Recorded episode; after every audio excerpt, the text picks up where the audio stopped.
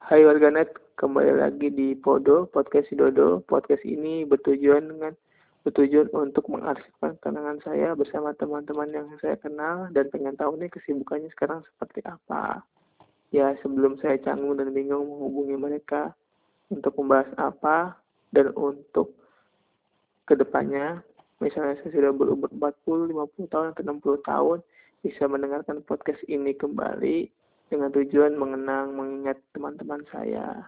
Begitu. Nah, kembali lagi ke dunia perkampusan.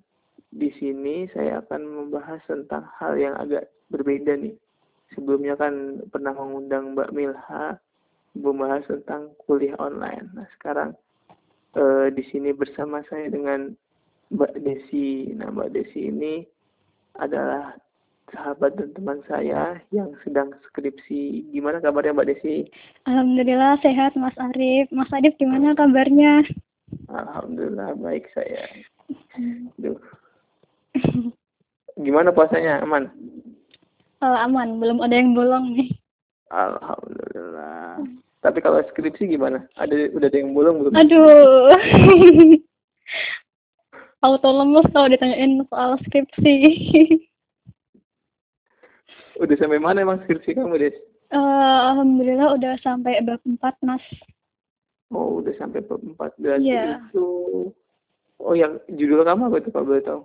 Judulku itu analisis kinerja Bumdes Tirta Mandiri Desa Tonggo berbasis balance scorecard. Oh, berarti kuantitatif ya? Iya, deskriptif kuantitatif. Oh, oke oke oke. Berarti bab 4 kamu itu udah ngolah data gitu ya? Oh, iya. Hmm, oke oke oke. Kalau boleh tahu tuh Des, itu metode yang diambil itu gimana metode sampel yang kamu ambil? Uh, aku kan metode pengambilan sampelnya kan pakai evidential sampling atau sampel kebetulan ya mas ya. Hmm, Nah, untuk metode pengumpulan datanya, aku itu lewat uh, pembagian kuesioner ke pengunjung objek wisata Umbul Ponggo sama karyawan Bumdes Tirta Mandiri. Tuh. Oh, berarti yang untuk pengambilan sampelnya eh, asal orangnya udah pernah ke Umbul Ponggok itu bisa kamu ambil ya sampelnya? Iya. Oke. Heeh. Ya, ya, ya, ya, ya. Nah, itu kan lagi pandemi kayak gini, Des. Itu Mm-mm. gimana, Des? Eh, cara ngambil sampelnya? Iya, emang susah sih ya mas kalau mau ambil datanya. Apalagi kalau situasi lagi kayak gini sih. Susah kalau mau terjun langsung ke lapangan. Udah sih akhirnya aku bikin kuesioner online lewat Google Form gitu kan. Nah, buat cari sampel pengunjungnya, caranya aku sebarin tuh ke teman-teman lewat media sosial gitu. Selain itu, aku juga sempat hubungin uh, admin, admin Instagram Umbul Ponggo buat ikut bantu nyebarin kuesionerku ke followingnya. Ya kayak dipostingin lewat story gitulah minimal mas. Tapi, Oh. heeh. tapi sayangnya akun mereka tuh khusus ke wahana aja, jadi belum bisa nerima buat promosiin skripsiku. Nah, terus sampai aku DM ke eh, followers IG Umbul Ponggo tuh. Jadi aku stalking Instagramnya, kan banyak tuh foto-foto pengunjungnya dan di, Iya, iya. Heeh, dan di tag ke akun IG Umbul Ponggo. Jadi kan kelihatan, oh ini orang pernah main ke Umbul Ponggo nih, ada fotonya nih. Nah, terus aku DM-in tuh satu-satu mereka. Kayak gitu. Niat sekali. Iya, skripsi. Oh, gitu. Itu berapa orang yang kamu ini, Des? Oh, Eh, DM-in itu? Lima puluhan. 50 orang. Iya. Ya Allah. Tapi nggak semuanya ngerespon sih. Oh, nggak semuanya ngerespon. ya? Iya. Oke, oke, oke. Berarti eh, dari 50-an itu kamu dapat data berapa orang, Des? Tiga puluhan, Mas. Oh, 30-an. Ya, Heeh. lumayan lah ya. Setengahnya Iya. lebih ya. Hmm, karena kan emang susah banget tuh eh, ngambil data di, dengan kondisi seperti ini. Apalagi kamu kan kondisinya pakai data Premier. Iya, bener banget. Terus tadi kan kamu bilang, Des, eh, ada wawancara juga ke ini apa namanya pegawai atau karyawan dari Umbul Ponggok sendiri. Nah itu kamu wawancaranya gimana tuh, Des? Via telepon atau gimana tuh? Uh, sebenarnya tuh ya sebelum ada COVID-19 ini aku tuh udah janjian mas sama pihak bumdesnya. Jadi hmm. tinggal nunggu jadwal pasti dari mereka kan. Nah rencananya sih akhir Maret mau wawancara. Eh ternyata ada corona, ada WFH, terus ada instruksi di rumah aja. ya udah akhirnya nggak jadi wawancara secara langsung kan. Oh, nggak uh, secara langsung tapi bisa lewat telepon uh, atau? Nah, gini terus akhirnya aku itu bikin apa mau wawancara via online gitu. Kan aku udah hubungin ke mereka tapi ternyata emang buat sekarang ini pelayanan bundesnya itu tutup sampai ada pengumuman lanjut dari pemerintah jadi ya mau nggak mau aku nunggu sampai keadaan kondusif dulu oh gitu berarti hmm. emang agak sulit juga sih kalau misalkan wawancara seperti itu nggak ketemu langsung kan kita juga perlu ini juga ya dokumentasi juga ya kalau yeah. wawancara kan. Iya benar hmm. banget. Oke oke.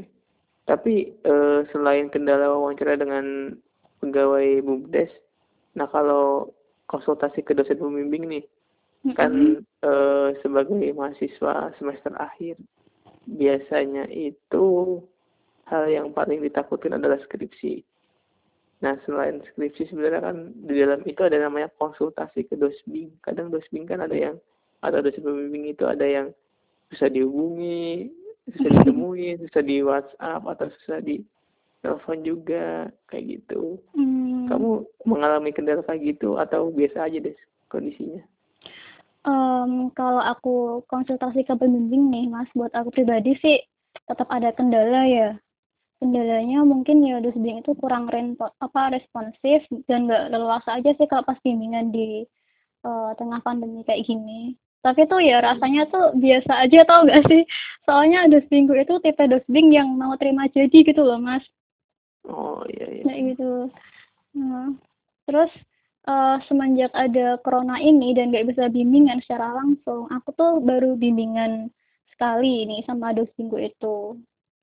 Ya aku cuman konsul sih ini gimana ya pak? Ya saya belum bisa wawancara dan nyebar kuesioner ke karyawan dulu karena ada corona. Terus aku minta solusi terbaik dari beliau untuk kelanjutan skripsiku ini. Terus katanya ya udah nunggu wabahnya selesai dulu aja mbak. Kayak gitu. oh. lama kayak gitu ya.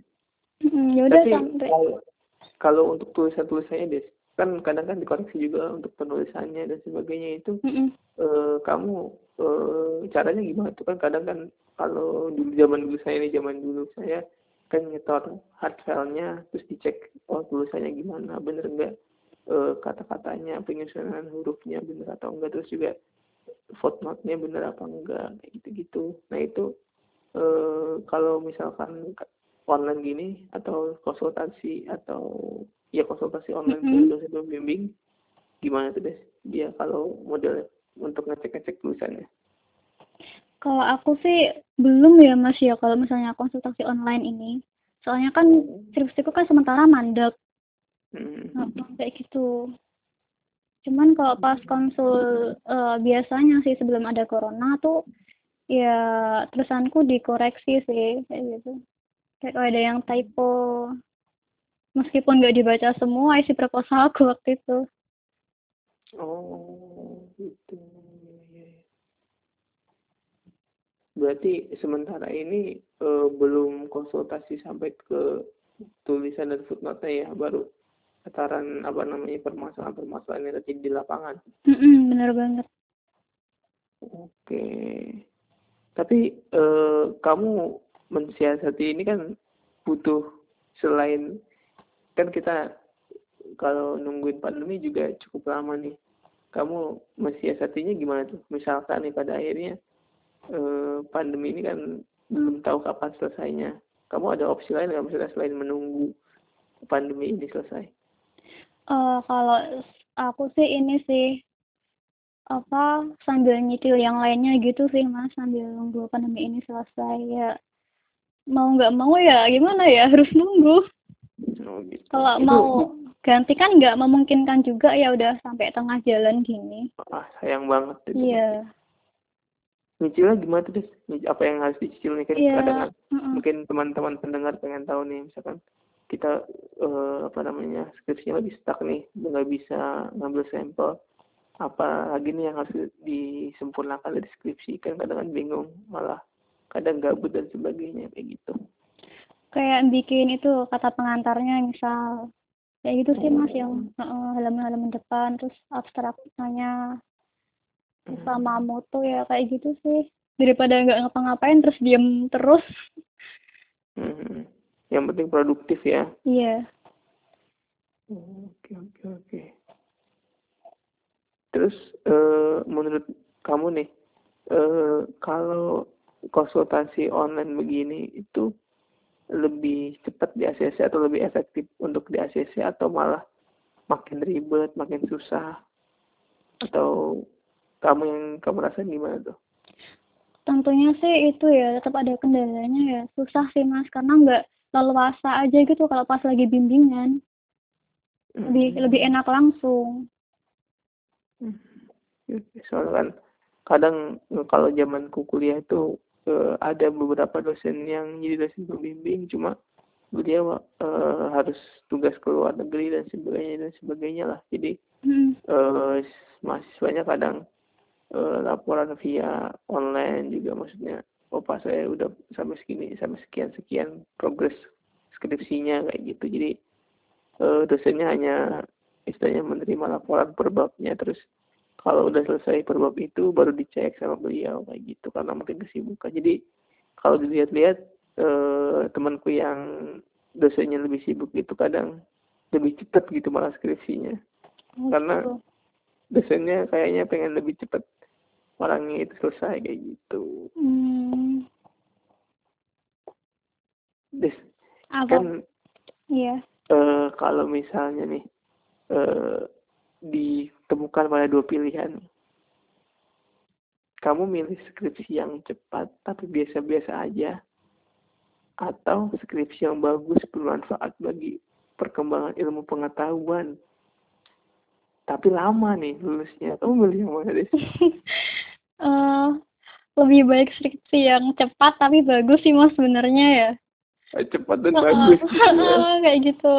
Tapi itu itu uh, balik ke diri kita sendiri sih mas skripsi itu tergantung kita kan ya mau yang efisien apa yang kualitas karena kebutuhan setiap orang itu kan beda-beda ya yeah. Iya. uh, apalagi sebagai mahasiswa tingkat akhir yang mungkin yang kita tahu tuh kayak gimana caranya skripsi ini cepat selesai lalu wisuda terus terbebas dari uang kuliah dan meringankan beban orang tua kayak gitu tapi menurut Jadi kamu uh -uh menurutmu gimana? Tapi menurutku skripsi itu juga tentang waktu dan proses. Gimana kita mendapatkan ilmu serta pengalaman selama belajar menyusun skripsi itu. Seperti katanya Mas Arif, bukan Apa? cuma bukan cuma hasilnya yang kita cari, tapi proses penyusunannya itu untuk kita jadikan pembelajaran ke depannya. Jadi skripsi itu prosesnya yang sulit, Mas. Perjuangan penyusunannya itu yang luar biasa jungkir balik menurutku.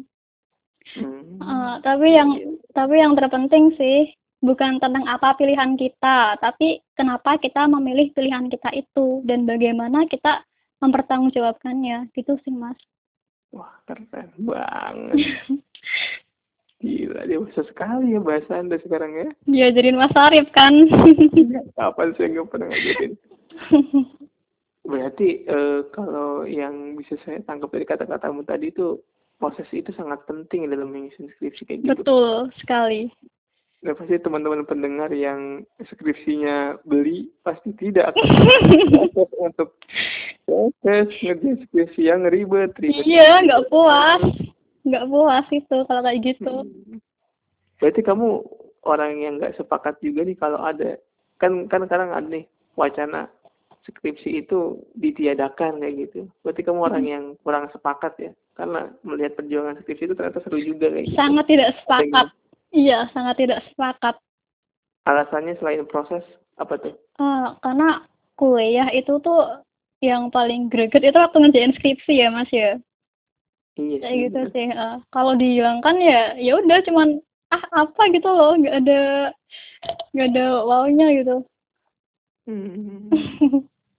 Iya tapi gimana ya kadang kan uh, kita terbentur pada malas. Udah memales saya kan orangnya malas nih. Sudah Rendah, sudah meroket enggak udah mas saya malas terus ditambah kadang dosen pembimbingnya kalau nggak sibuk ini apa namanya ada harus jam-jam tertentu ditemuinya kayak gitu.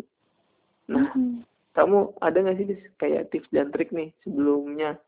Misalnya kamu mau bimbingan biar teman-teman pendengar tahu nih kalau sebelum bimbingan tuh apa nih yang harus disiapin atau tips dan trik biar dosennya itu uh, istilahnya gampang nih menerima kamu ketika bimbingan. Kan kadang kan ada tuh temanku juga yang ditolak bimbingannya mm -hmm. karena sibuk dan sebagainya. Saya juga sih pernah ditolak juga sebenarnya. Tapi karena uh, dosen bimbingku keluar kota atau keluar negeri kayak gitu. Nah kalau kamu gimana des? Ada nggak tips dan trik buat teman-teman pendengar? Kalau misalnya uh, mau bimbingan tuh gimana nih? Untuk zaman kan beda nih beda zaman nih. Zaman hmm. sekarang sama zamanku dulu. Gimana tuh? Kalau versi aku pribadi sih mas. Hmm. uh -uh. pertama tuh kita kenali dulu tuh tipe dosing kita kayak gimana jadi seenggaknya kita tahu biasanya kalau bimbingan sama tuh dosing itu kayak mana modelnya gimana terus dia tipe dosing yang seperti apa uh, terus yang kedua kita sering-sering tuh komunikasi sama teman-teman yang dosingnya sama kayak kita. Bagusnya lagi kalau ada grupnya gitu. Jadi lebih enak kalau mau bimbingan. Hmm. Uh -uh. Terus yang ketiga, jangan bosan-bosan, bosan-bosan dan takut buat komunikasi maupun konsultasi ke dosbing. Soalnya tuh ada loh mas temanku tuh yang takut gitu kan mau apa hubungin dosbing duluan gitu. Nah, jadi meskipun Eh, nggak uh, semua dosbing itu menyenangkan dan sering nge-PHP-in kita kayak si dia. Tapi kalau kita semangat kalau kita semangat dan sungguh-sungguh, gimana pun dosbing kan juga bisa menilai kita ya. Kayak, oh ini anak rajin konsultasi ya ternyata. Oh ini anak habis dikasih revisi langsung gercep buat nyelesain ya. Kayak gitu. Jadi walaupun semenyebalkan apa pun dosing kita, sekaku dan sekitarnya dia, kalau kita nggak gampang patah, insya Allah itu dosing bakal respect kok sama kita. Karena dosing pun juga manusia kan ya, gitu. Hmm. Dan uh, sendiri juga ya. Iya, kayak gitu sih. Jangan bosan-bosan dan takut buat komunikasi terus nemuin dosing kayak gitu. Hmm males memang kadang-kadang nunggu nunggu dosen itu males kadang nunggu nunggu iya yeah. selesai kelas kadang nunggu kerjaan beliau selesai juga kan mm -hmm. tapi gimana proses yang wajib dilalui mungkin iya yeah. kalau zamanku dulu tuh sama kayak kamu tuh kayak apa namanya eh punya grup punya grup apa namanya istilahnya atau punya kita punya kita dekat sama orang yang satu dosen pembimbing kayak gitu. Mm-hmm. tapi nggak ada gitu kayak teman-teman di zamanmu ini nih. Misalkan uh, cepet-cepetan nge skripsi nggak peduli temennya. Kalau zamanku mungkin ada sih tapi sedikit kayak gitu. Tapi lebih banyak yang saling kerjasama. Apa zamanmu itu sekarang lebih banyak yang kerjasama atau malah lebih banyak yang saling cepet-cepetan nyelesain skripsi ah. nggak peduli sama teman yang lain kayak kalau aku yang aku rasain nih uh, ya saling kerjasama sih ada. Soalnya kan aku juga itu sih mas komunikasi sama teman-teman yang dusbingnya itu sama kayak aku. Kayak gitu.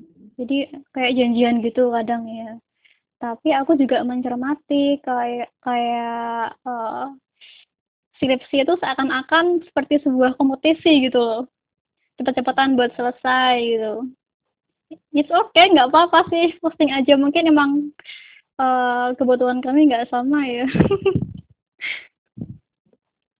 Tapi ya gitu sih. menurutku itu skripsi sama pernikahan tuh sama deh menurutku. Kok bisa? sama-sama proses yang harus dilalui dalam kehidupan misalkan skripsi dalam kehidupan berpendidikan di kampus mm-hmm. pernikahan juga uh, sama-sama hal yang harus dilewati di saat kita menjadi manusia kayak gitu. Ya kita lewatin aja mau cepat mau duluan mau belakangan lagi tapi yang penting itu di waktu yang tepat menurutku kayak gitu. Karena yang cepat itu belum tentu tepat ya mas. Kamu tuh sering jangan-jangan ya kuat kuat terus kamu ya. Aku kan belajar dari Mas Arif dibilangin. Eh tapi teman-temanmu temanmu ada yang ini kan? Udah ada yang sidang nggak ini sidang skripsi iya udah ada udah ada nah Mm-mm. saya eh, membagikan sedikit pengalamanku melihat orang yang udah sidang skripsi itu kayaknya ya ya ada rasa senangnya ada rasa bahagianya teman udah udah selesai tapi ada rasa sedihnya ada rasa irinya kok saya kok nggak bisa ngajar dia ngajar mereka nah kalau kamu sendiri itu perasaan gimana tuh melihat temanmu yang udah sidang duluan Hmm. perasaanku tuh sedih banget Mas Arif sedih banget. Ini tuh rasanya kayak apa ya? Kayak lebih sedih gitu daripada ditinggalin sama si dia. Astagfirullah, sedih lagi. Ditinggalin pas lagi sayang sayangnya ambiar gitu loh rasanya. Aduh nggak beca- bercanda. Tapi emang bener lebih sedih dari patah hati. Nah soalnya kan eh, gimana gitu ya rasanya. Ada yang awalnya progresnya skripsinya itu lebih cepatan aku ada yang progres skripsinya itu waktu dia ngerjain sama kayak aku. Eh pas ada ada corona gini mereka lulus duluan. Terus eh, ya mungkin karena data mereka online sih ya mas. Kan kalau keadaan lagi Bener, kayak. Ah, kan kalau keadaan kayak gini kan emang datanya enaknya kan sekunder. Gitu sih Mm-mm. jadi itu heeh. tapi aku tapi aku sedih bukan karena temanku udah lulus dan aku juga enggak iri sih tapi sedih aja karena targetku jadi mundur dan planningku berubah. Itu aja sih mas. Jadi eh, berkaitan dengan planningmu juga sih ya? Iya. Hmm. Iya sih kalau menurutku sih eh, faktor eh, besar yang membuat kamu agak terhambat itu karena skripsimu itu kan dia ini harus data primer jadi harus benar-benar ngambil data di lapangan ya gitu. Kalau teman-teman yang lain mungkin ada yang pakai data sekunder dan kalau data sekunder kan data yang udah diolah oleh pihak lain kayak gitu jadi kan lebih Mm-mm. cepat dan lebih gampang kan. Apalagi di dunia digital kayak gini kan lebih mudah dari data-data kayak gitu. Iya benar banget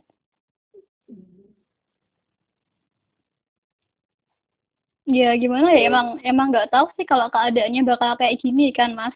Kalau bisa milih dari awal nih aku kan juga akan milih data sekunder ya. Hmm, iya sih. Kita kan nggak tahu ya iya. besok gimana gimana kayak gitu. Berarti kamu nih posisinya itu eh, dalam menghadapi skripsi di tengah pandemi ini eh, masih semangat 45 atau wait and see maksudnya menunggu waktu yang tepat untuk action kayak gitu. Kamu di posisi gimana nih? Kalau aku akan tetap mengerjakan skripsiku sih mas, ya walaupun penelitianku terhambat karena corona ini ya dan aku belum bisa penelitian. Ya itu tadi. Aku akan apa tetap nyicil bagian lainnya sembari menunggu corona mereda kayak bikin apa kayak abstraksi gitu terus moto dan lain sebagainya. Lampiran-lampiran gitu sih. Hmm, oke kayak tadi udah dijelasin ya Mm-mm. Terus kalau yang ini deh, kan kita sama-sama tahu lah kalau lagi ngerjain skripsi itu kita agak berjarak nih sama teman-teman kita. Ditambah lagi berjarak karena corona. Jadi Mhm. kamu nggak kangen gitu sama teman-temanmu yang lagi sibuk ngerjain skripsi atau lagi sibuk kangen kangen banget kangen banget lah pastinya kangen banget sama mereka kangen diskusi kangen ngobrol kangen cerita cerita kangen ngerjain skripsi bareng kayak Oh, gitu kalian ngerjain skripsi bareng juga gitu ya? Mm-mm. Hmm, soalnya kan kalau kalau aku sih kalau aku pribadi kan eh, orangnya kalau ketemu orang yang fun bisa menyerap energi juga kayak gitu menyerap energi orang lain yang orangnya fun kita fun juga. Iya. gitu. penting sih buat moodku kalau aku. Iya kalau kamu gimana tuh? Kalau berarti kalau ketemu temanmu itu makin semangat berarti ya untuk uh, ngerjain skripsi atau mulai hari-hari kayak gitu? Iya sama sih. Lebih semangat gitu lebih termotivasi. Oh iya. Eh mungkin ada pesan-pesan buat teman-teman yang lagi ngerjain skripsi atau teman-teman pendengar yang masih semester awal atau semester semester yang belum ngerjain skripsi. Eh, pesan-pesan kamu gimana nih buat semangat dan kuat menghadapi skripsi? Ditambah. Aduh berat banget ya, ya Allah. double double kan ngerjain skripsi aja udah jadi momok mahasiswa di Indonesia. Ditambah Iya. kamu pandemi. Ini ada pesan-pesan nggak dari kamu? Em, apa ya?